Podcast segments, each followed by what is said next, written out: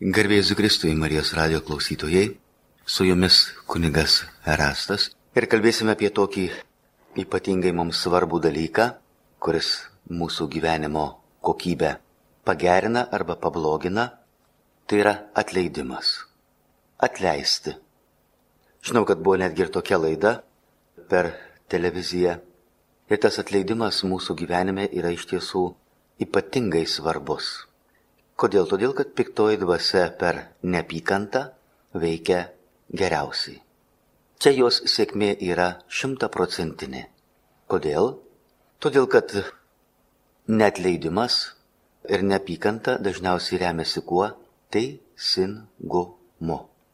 Teisingumo teisingumas yra viena iš pagrindinių, tai yra kardinalinė žmogiškoji dorybė. Taip piktoji dvasia sugeba įsisukti ir žmogų apgauti. Tarsi žmogus vadovaujasi teisingumu ir neapkenčia kito žmogaus, net leidžia, keršyje, minčių pasaulyje ar šitame realiame pasaulyje. Ir ką mes turim? Na, turim nykę situaciją.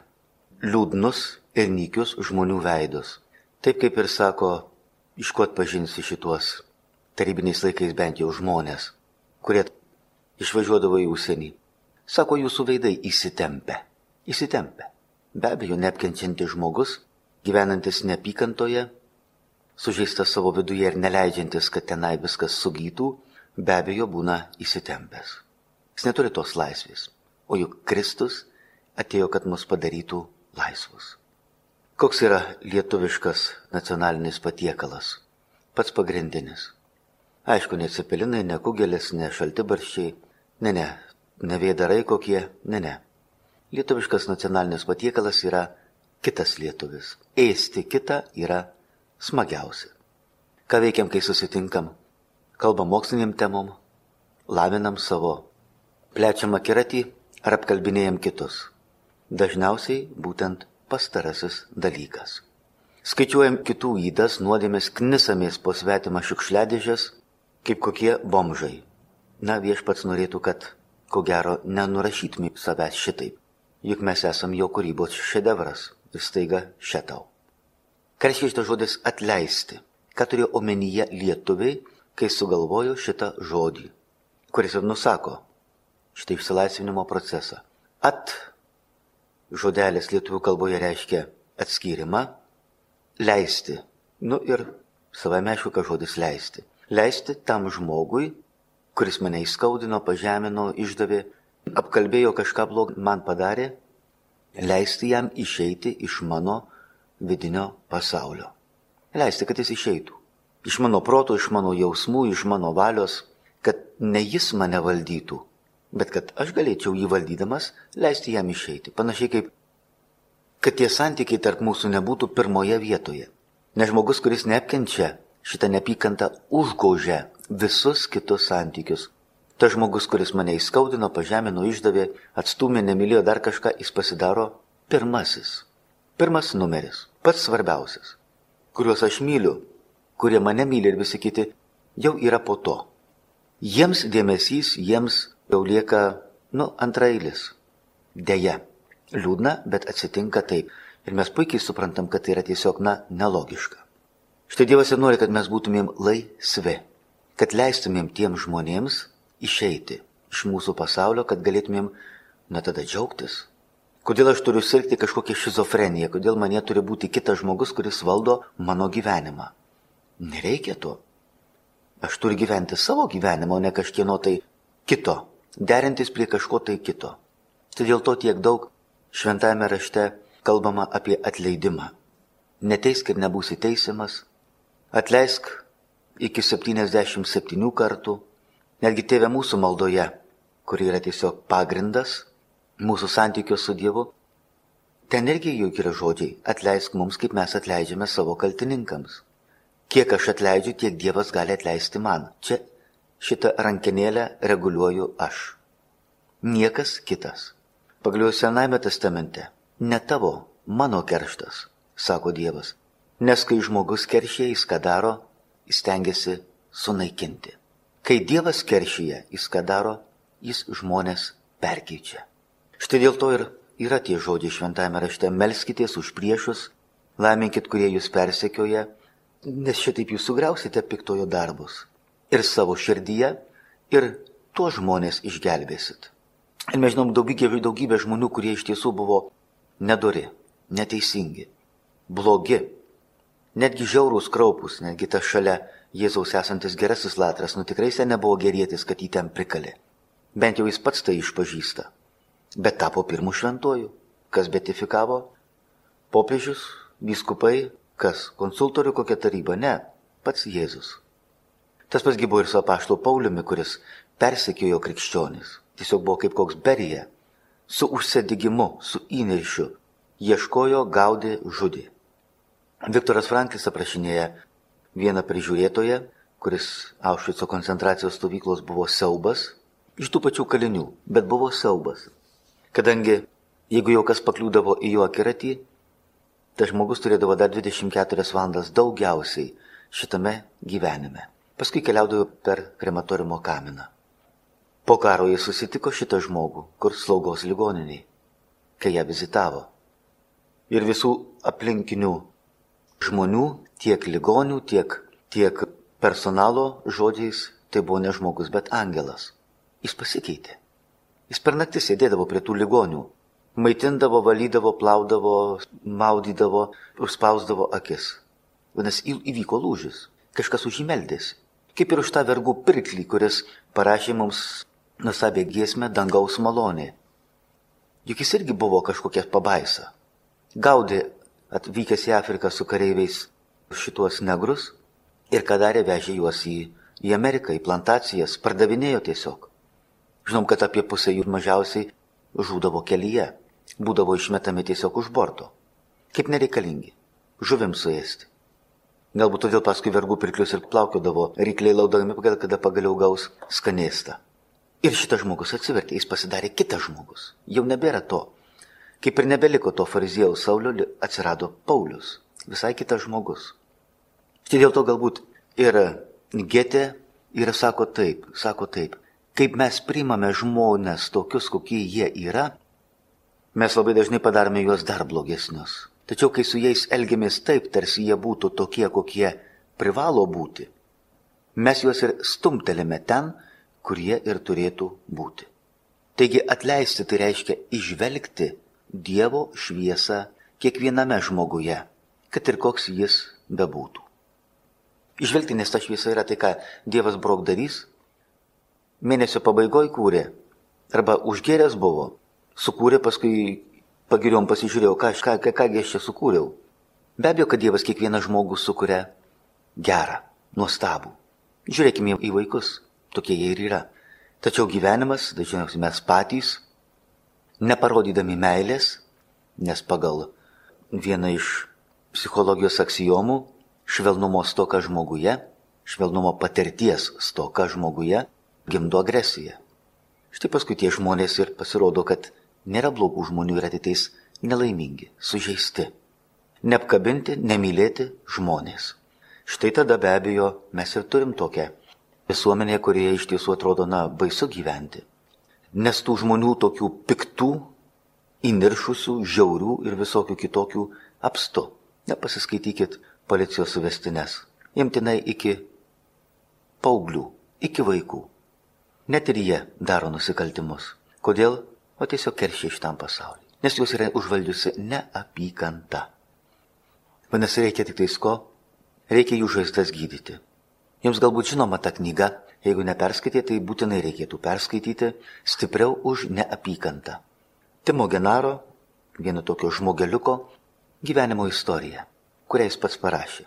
Na, galbūt šiek tiek žargonų, galbūt ten yra ir tokių, nela visai tokių ausiai mielų įsireiškimų, tačiau jis rašo taip, kaip jis suvokia, taip, kaip jis jaučia, taip, kaip tuo metu išgyveno, nepasaldindamas, nepagražindamas.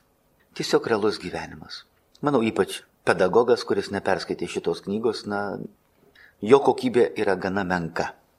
Nes tai, tai yra tiesiog kaip vadovėlis. Bet ir tėvams, kad suprastų, kas dedasi jų vaikų širdyse, ypač mūsų dienomis, kai šitos neapykantos pasaulis yra persunktas, manau tikrai šitą knygą perskaityti yra, na, tiesiog būtina. Tai bus nauda jiem patiem. Taigi atleisti tai reiškia išvelgti Dievo šviesą kiekviename žmoguje, kad ir koks jis bebūtų, pamatyti tokį, koks jis galėtų būti ir taip su juo elgtis. O ką darė tėvas Stanislavas ar motina Teresė, dar kokie šventieji, žiūrėdami tos baisiausius nusikaltelius, nusidėjėlius, nesvarbu, kas tai būtų ar mafijozai, ar kokie Seimo nariai, dar kažkas. Žiūrėjo ir matė, kokie jie galėtų tapti, jeigu jie atsiverstų. Nes šitie žmonės, šventieji, jie Jie buvo prisiskaitę daugybę istorijų ir žinojo, kad iš tiesų visa tai yra įmanoma. Su Dievo gale tai yra įmanoma. Kad ir patys baisiausi žmonės, labiausiai nusistatę, ateistai, dar kažkas bebūtų kovojantis prieš bažnyčią, reikia tik tais, kad šventoji dvasia juos paliestų. Kai tik tais palies, atsitiks tas pats, kas tam vergų pirkliui. Dangaus maloniai nuostabi, palėtė mane. Buvau paklydęs tamsumoje, dabar radau tave staiga žmogaus gyvenimas pasikeičia. Atleidimas ir malda, taip kaip Jėzus skatina, melskitės už priešus, laiminkit tuos, kurie jūs persekioja, tai ir įvykdo. Tada mes tą žmogų atiduodame į Dievo rankas. Leidžiame, kad jis atsidurtų Dievo rankose, nebe mūsų vidinėme pasaulyje, bet tiesiog, kadangi jis yra jau mumyse, tupi tenai. Ir nuodė mums gyvenimą, mes jį paimam ir sakom, atiduodam viešpatie tau. Štai tada Dievas gavęs tokią nuostabią dovaną jau gali tvarkytis. Nieko nepadarysi Dievui mūsų leidimo, lygiai taip pat kaip ir piktai dvasiai, mūsų leidimo reikia. Kuriam leidžiam, tas ir tvarkosi. Laiminam, atsiduria pas Dievą, keikiam, atsiduria pas piktą dvasę. Nu, kadangi dabar pas mus yra madingiau keikti, tyčiotis, žemint, apkalbėti, šmeišti, tai tada ir matom piktosios dvasios pasiekmes mūsų pasaulyje, atrodo, gyvenam Lietuvoje jau sočiai, esam laisvi, kogi dar mums betrūksta, bet pasirodo, mūsų viduje kažkas yra ne taip. Mums, kaip jau minėjau, labai patinka knistis po ką? Po svetimus konteinerius. Net ir po savai ne, neapsimoka knistis. Jau ką išmetei, tą žmogau išmetei. Bet kažkodėl bumžiškumas mums lietuviams yra labai būdingas. Nes neapkesti Knistis po praeitį mums atrodo yra malonumas ir laikyti visą tą bjaurastį savyje net neišpilti. Kaip kokie konteineriai taupyklės. Laikome šiukšlės savyje. Galbūt tikrai to nereikėtų. Kodėlgi mes vis dėlto šitaip elgiamės? Na, žinot, čia visų pirmiausiai suveikia mūsų egoistiški motyvai. Kokie? Dešimt tokių. Pirmiausiai, tas niekšas, kuris mane įskaudino, pažeminė, išdavė, atstumė, dar kažką padarė, jis nusipelnė mano pykčio. Pyktis yra gerai psichinė reakcija į nenormalią situaciją. Nenormaliai reaguoti nenormalioje situacijoje yra normalu. Tai yra psichologijos aksioma.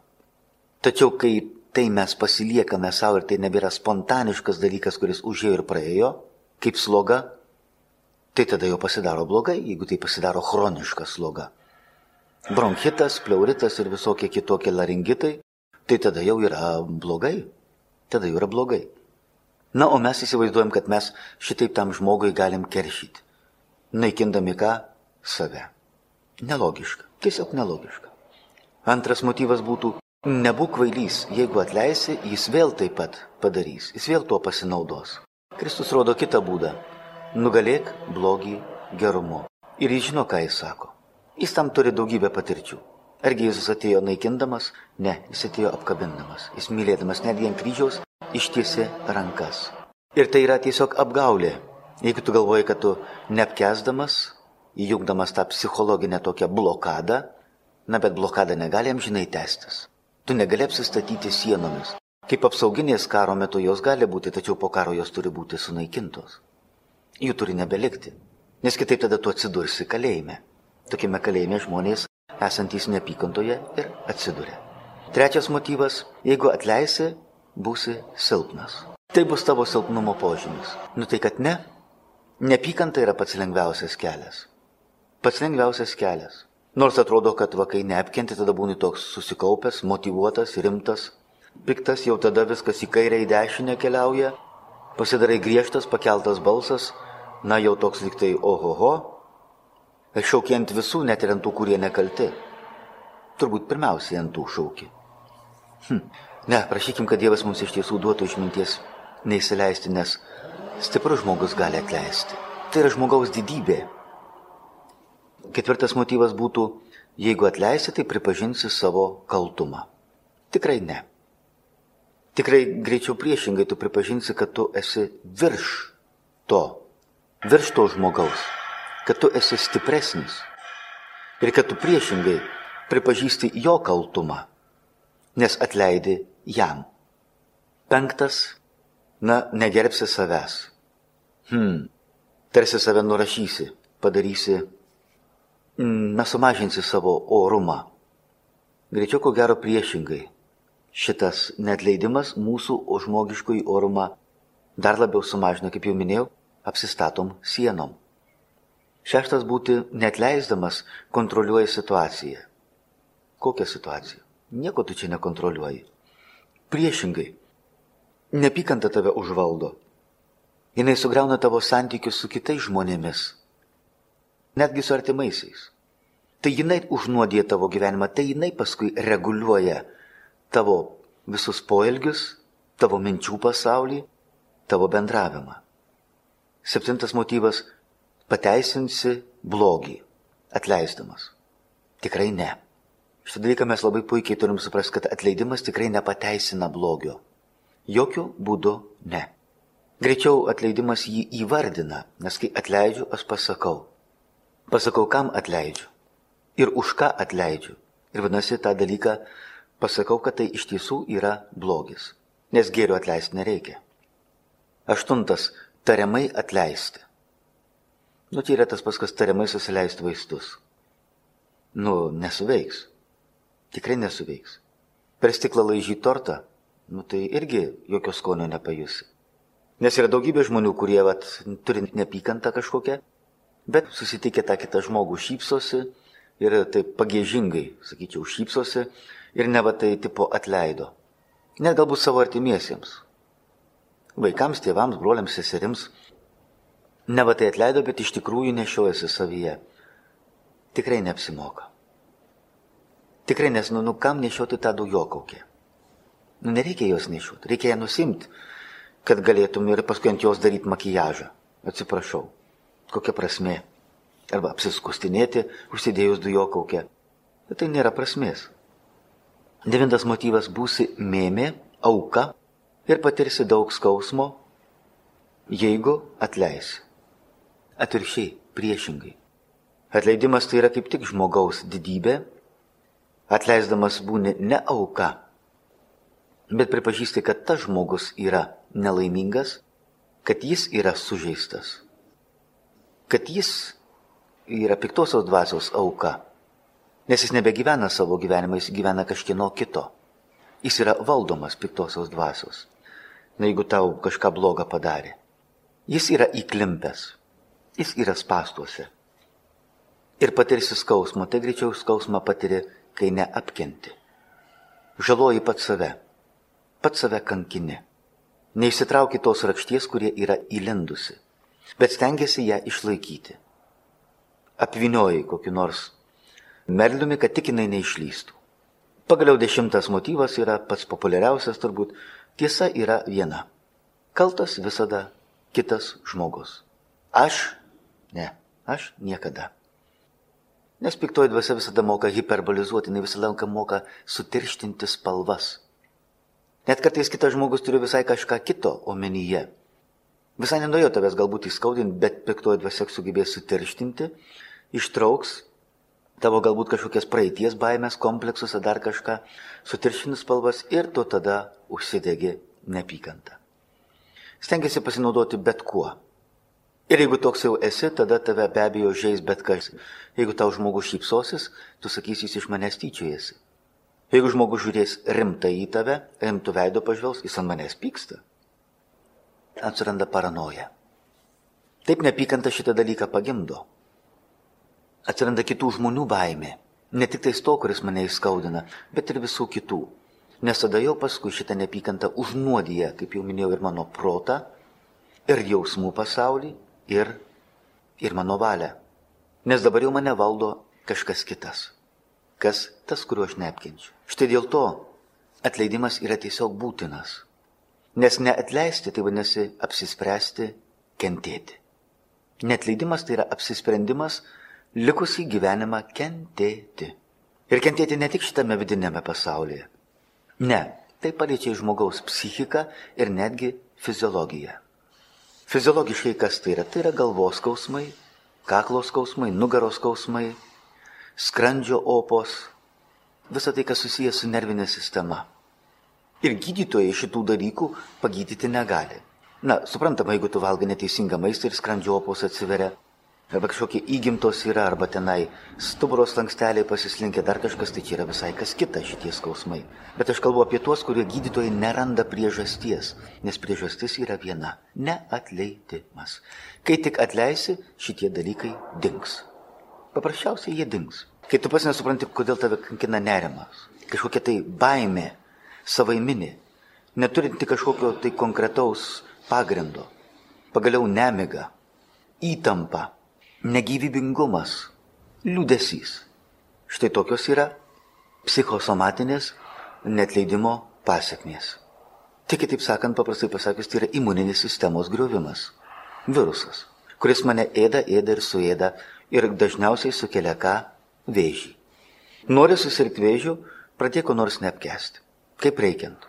Pamatysi, tavo imuninė sistema nusilpsta ir tada neišvengiamai, neišvengiamai štai kas prasideda kaip vienas žmogus, kuris sirgo onkologinę ligą, nusprendė gydytis kuo? Jau žiūrėdamas komedijas. Aišku, pirmiausia visiems atleido žmonėms, visai susitaikė, dovanojo, tapo laisvas, o paskui žiūrėjo visą tai, kas yra pozityvu. Ir jis pasveiko. Keista, bet be jokių vaistų ėmė ir pasveiko žmogus. Jis pradėjo visai kitokį gyvenimo būdą. Mesgi save žudome. Na pradėkime mylėti. Juk didysis Dievo įsakymas kaip sako. Žmogau mylėk save Tada pajėgsi mylėti kitą žmogų, vaiką, brolį, seserį, tėtį, mamą ar dar kažką, draugą. O tada jau bus galima kalbėti ir apie meilę Dievui.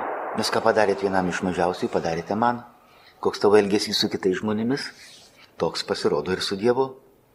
Patys puikiai suprantate ir turbūt skaitėte ir istorijos vadovėliuose, kaipgi atsirasdavo tie karai, Na tiesiog būdavo sukurstomi žmonės, nustatomi, pavyzdžiui, anglai prieš prancūzus, ar prieš kokius ispanus, ar dar kažką, kad jau tie žmonės, jau kitataučiai, yra tokie, šiokie, anokie, visokie, kitokie.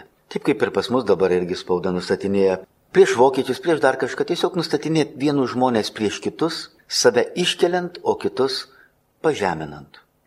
Ir štai tada jau atsiranda ta arba parodyti, pabadyti pirštais, kad štai šitie yra kalti dėl viso to, kas mums nesiseka. Ir tada be abejo jau kelias naikinimui pasidaro atviras. Argi netai buvo Ruandoj? Amerika su Prancūzija prireikė labai jiems ten tų visų deimantų, kurie yra toje šalyje. Jie yra tiesiog paviršinė kažkur giliai žemėje. Ir ką beliko atvažiuoti? Beliko tik tais paimti specialistus, kurie žino, kaip tai daryti, nuvažiuoti, sugundytos didžiausius degradus toje šalyje, žmonės sugundyti juos ir paskui tada jau prasidėjo kas pilietinis karas tarp tų dviejų tautų, kurios kaip kokie lietuviai su žemaičiais na niekad nesipjovė, ko jiem ten pjautis. Bet ne, buvo sukurstyta nesantaika, pasinaudota ir tada milijonai žmonių tiesiog buvo sukapoti. Pasaulis, aišku, tuo metu tylėjo, nes kadangi, na, reikėjo, kad tenai vyktų tas pilietinis karas, kad būtų galima ką daryti, paskui jau įvesti savo kariuomenę ir paskui galų gale visus tuos deimantus ten tykiai, ramiai pasiimti. Už tai turės atsiimti ir Amerika, ir už visus tuos, šitas skausmas jis niekad nelieka. Nenubaustas, bet jau ne žmonių, Dievo. Ir Dievas šitom tautom tikrai atkeršys už tai, ką jos darė, už tai, prieš ką kiti užsimerkė. Nes pasaulis intensyviai tylėjo, kol šitas karas vyko. Tylėjo. Šita visa mūsų televizija ir spauda yra persisunkusi neapykantos internetas ar dar kažkas, kokius žaidimus vaikai žaidžia? Nepykantos. Užmušk, papjauk, susprogdyk, nužudyk, sunaikink, sukapok, sudegink ir visa kita. Nuo pat mažens. Ne apie meilę kalbama kaip tas geroji animacija, ne. Ne, ne, dabar žudimas yra tiesiog normali būsena. Patyčios yra tiesiog Įsijunkit publicistinės laidas, ar dar kokias nors, žiūrėkit apie ką ten kalba, kakadų dar kokias norit. Jeigu mes tyčiojame suaugusiai, jeigu mūsų pasaulis tuo persisunkęs, tai ką mes perdodam savo vaikams? Kita patį. Ar kalbam apie atleidimą, apie kito žmogaus supratimą? Ne. Lyderio kultas ir nepykanta. Kitas yra menkesnis, blogesnis, nekokybiškesnis. Aišku, tai su krikščionybė neturi absoliučiai nieko bendro, tai yra priešingybė. Tai yra pragaro būsena, kurią mums stengiasi, ką daryti, įpiršti. Nes esmė kokia? Visi blogi, viskas blogai, geriau nebus, nes visi blogi. Ir viskas. Aš vienintelis esu geras. Tai be abejo, kad viskas yra persunkta šitą nepykantą ir tada pasaulis negali gerėti ir Lietuva tada ateities neturi. Palaiminti, kurie iš tiesų stengiasi žurnalistai, jie tada yra kaip šviesos angelai, kurie bando prašviesinti šitą gyvenimą. Parodyti kažką tokio ir gero, kas iš tiesų vyksta. Parodyti ir tą atleidimą, ir tą supratimą, ir žmogiškumą, ir tas šviesesias pusės. Ir be abejo, prakeikti yra tie, jie patys save prakeikia, ne kažkas kitas, kurie kursto nesantaiką, kurie kursto neapykantą. Be abejo, tai nieko nėra susijęs su tolerancija, kuri dabar tokia labai populiari, nes Didžioji dalis tos tolerancijos yra kas tolerancija kam? Blogiui. Blogi tolerancijos negali būti, nes tai yra savižudybė. Jeigu aš pradėsiu toleruoti, įsivaizduokit vėžį savyje, tai kas bus? Jis mane suės, jeigu aš negydysiu jo. Apendicitą toleruosiu. Ai, tegul būna, gailagi išpjaut, tegul gyvena. Savame aišku, kai jis atsitiks, arba toleruosiu, kodėl rado vabalus, tai jie suės mano bulves. Labai paprastas dalykas ir išsiplės dar plačiau. Kaip ir pikdžiolės, kurias toleruodamas, juk tai gyvybė, juk tai jinai irgi turi teisę gyventi. Vadinasi, mano sodui, mano daržui viskas. Patys suprantam, kad yra tie dalykai, kurie yra blogis ir jis negali būti toleruojamas. Dievas yra veidrodis. Labai dažnai, kai mums kažkas kažką blogą padaro, mes sureaguojam labai jautriai. Tačiau labai dažnai, bent jau man tai kaip atsitinka, kad kas nors iš manęs pasišaipo, ar dar ką nors blogą padaro, kas atsitinka, aš visą laiką sakau, Dieve, galbūt aš esu kada nors taip pat pasielgęs. Ir tada, žinot, po kiek laiko Dievas ištraukė kažkokį failą iš mano praeities ir parodo, kad aš buvau pasielgęs lygiai taip pat. Iš kažko pasišaipiau, kažką apšmeižiau, apkalbėjau, ar dar kažkokius dalykus nuskriaudžiau vienai par kitaip, galbūt net vaikystėje ar paauglystėje. Ir tada sakau, ačiū viešpatie, supratau. Nes Dievas, kaip jau minėjau, dažnai būna kaip veidrodis, gražina, kuo tu kitą žmogų kaltini arba jam nenori atleisti. Labai dažnai juk būna taip, kad mes tik pasidyniau, kaipgi šitas žmogus galėjo šitai padaryti, kaip jis tai pasielgė. O neskubėkim teisti. O neskubėkim teisti, nes lygiai tas pats gali atsitikti mums patiems. Ir dažniausiai taip ir atsitinka. Dievas sako, paragauk. Paragauk iš tikrųjų, kaip visa tai yra. Kad suprastum. Ir neskubėtum daugiau teisti kito žmogaus. Kad, kaip jau minėjau, stengtumės išvelgti jame nelaimingą, sužeistą, galbūt esantį piktosios dvasios spastuose. Tavo maldos tą žmogų gali išgelbėti. Ar pasiryši tai padaryti, ar ne? Ar esi Dievo vaikas, jo pasiuntinys, jo ambasadorius šitoje žemėje, ar visgi nori bendradabiauti su piktaja dvasia? Toliau, šmeiždamas, juodindamas, kaltindamas, apkalbėdamas, tyčiodamasis. Įsijungit kokį delfį komentarus. Pamatysit, kiek ten yra tos pažmonės kitus, nu tokio šlykštaus. Grinai šlykštaus, drapsto ant bet ko. Visi blogi, bet kas, kas tai bebūtų, nesvarbu. Ir to tie žodžiai, kurie trykšta iš tų žmonių, parodo, kad jau tie žmonės yra pragare. Jie jau yra pragare. Jų pragaras yra jų viduje. Ir to pragaro autoriai yra jie patys. Nes jie patys jį tokį susikūrė, pasistatė. Piktoji dvasia tik pasiūlė medžiagas, o jie tas medžiagas priėmė ir pasistatė pragarą. Net ten buvo katilai šakės, tai aišku be abejo humoras, bet buvo katilai šakės, na ir jie tokį interjerą susikūrė savo. Ne rojaus sodus, ne medelius, ne, ne debesėlius, ar dar kažką, bet ne, rinkosi tai. Neimkit jums šito į savo širdį. Bet visgi būna, kad žmonės sako, net ir aš savo kartais klausykloje girdžiu, mirsiu, bet neatleisiu. O irgi. Tai kur tokį kišt paskui po mirties? Įsivaizduokit, jis numiršta to žmogus, galėtų keliauti į rojų, nu bet jis negali toks surūgęs tenai keliauti. Tokia rūgena ten visai nereikalinga. Taigi jis ten susiraukęs vaikščios ir visiems prikaišios, tas negerai, anas negerai, tas blogai ir tie įtartini, kodėl jie čia visi duodasi, kodėl šypsosi, Kodėl žaidžia čia reikia rimtai, brūžinti arfas ir Dievo įgiesmės gėdota dar ką nors, apsaugok viešpatį. Na, žmonės prisirenka tiek tų šablonų iš kažkokių tai knygelių apie rojų, kad jų tas įsivaizdavimas pasidaro kažkoks, nu, absoliučiai primityvus. Kad rojui tai jau turėsi ką daryti - sėdėti, stovėti ar, nežinau, klūpėti tenai ir brūžinti arfą. Dienų dienas per naktis ir taip toliau. Ką padarysi? Nu, žmonių kai kurių tikrai supratimas yra primityvus. Nuo pragarė tai galvoja, kad sėdės šiltam katile, kaip kokiam kubile, normaliai savo, ir grūkšnos alų. Taigi, kaip ten toj dainoji, alaus danguje nėra. Nu taip, o pragarė mes geriam sysalus. Nu ką padarys. Yra taip. Danguje yra visai kitokios gerybės, su kuriuom šitas skystalas, kurį mes vadiname alumi, tai atsiprašau, bus tik tais, tai nuo ko mes žiaukčiotumėm. Tenai rojai. Nu bet jau čia atskiras pokalbis ir ne, ne šitai teologiniai laidai. Atleidimas. Koksgi yra iš tiesų tas tiesa šitam žmogui, kuris pasako man taip klausykloje, sako, mirsiu, bet netleisiu. Nu, duodu paskutinį argumentą. Gerai sakau. Valio puiku. Prašyk, kad Dievas tą žmogų nubaustų ir viskas bus teisinga, viskas bus gerai. Tegul šitas zaraza dega pragare, klykia, staugia, bleuna ir taip toliau. Na, o tu sėdi rojui, grauži ten visokius vaisius rojaus, visokiom saldybėm grožiesi, bet, bet žmogau, bet. Bet turėsi klausytis to žmogaus dėjonių sklindančių iš pragaro. Kodėl? Todėl, kad tu to norėjai. Tu nori, kad jis ten kankintųsi, matai, jeigu kažko nori, tai turi pasimti ir pasiekmes.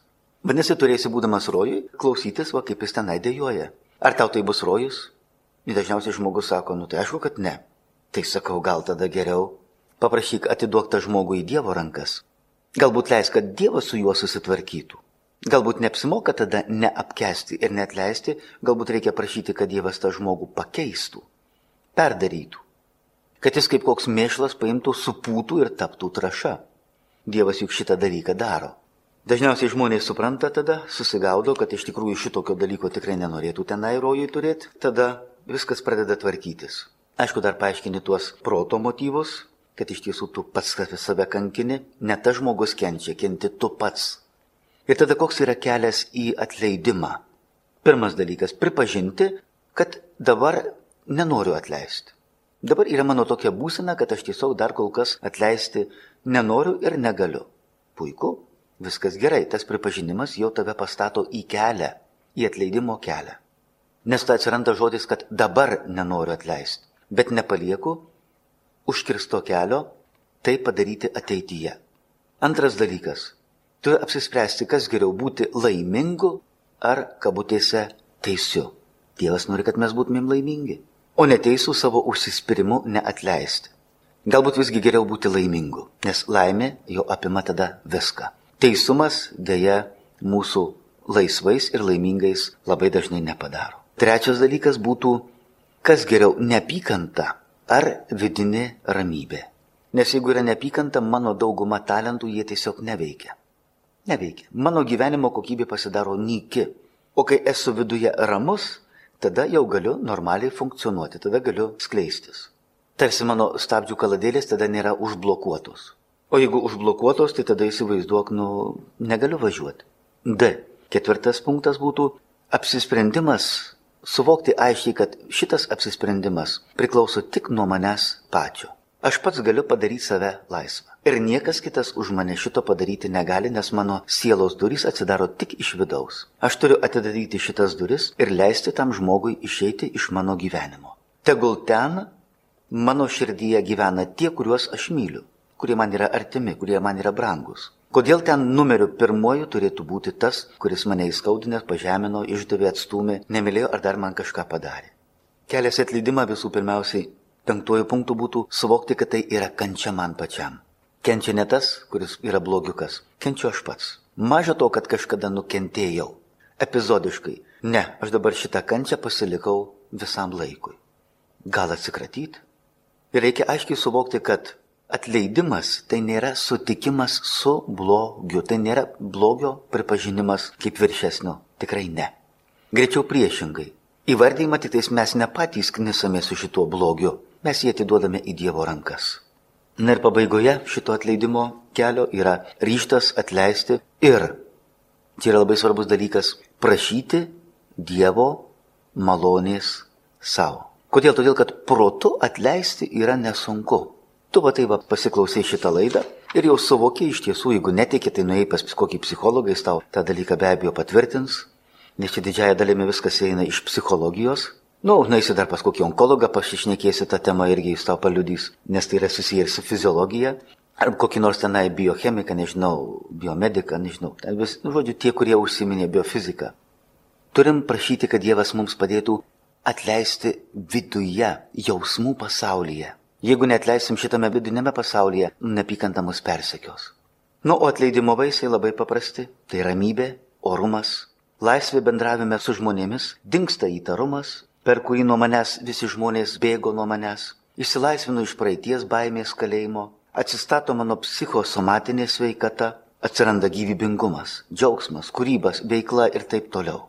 Taigi prašykime, kad Dievas mums padėtų atleisti. Tiesiog prašykime, kad galėtumėm susitaikyti su tai žmonėmis, jeigu tai yra mūsų artimieji, arba jeigu ten kažkokie kiti žmonės yra kažkur jau toli, kad tiesiog leistumėm tiem žmonėms išeiti iš mūsų širdies ir taptumėm laisvi. Netgi romiečiam 15 skyriuje apaštas Paulius mums primena, sako, prisiminkit, kad ir patys kartais buvote, kažkada senoviai buvote blogi. Iki atsivertimo. Irgi darėte blogį ir nelaikėte to blogiu. Sakėte, kad tai norma. Kažkas kentėjo. Galbūt tie žmonės už jūs meldėsi, kad jūs atsiverstumėt. Darykite dabar ir jūs taip pat. Ir čia turbūt reikėtų sakyti Amen. Su jumis kunigas Rastas Murauskas. Ir iki sekančių susitikimų. Sudie.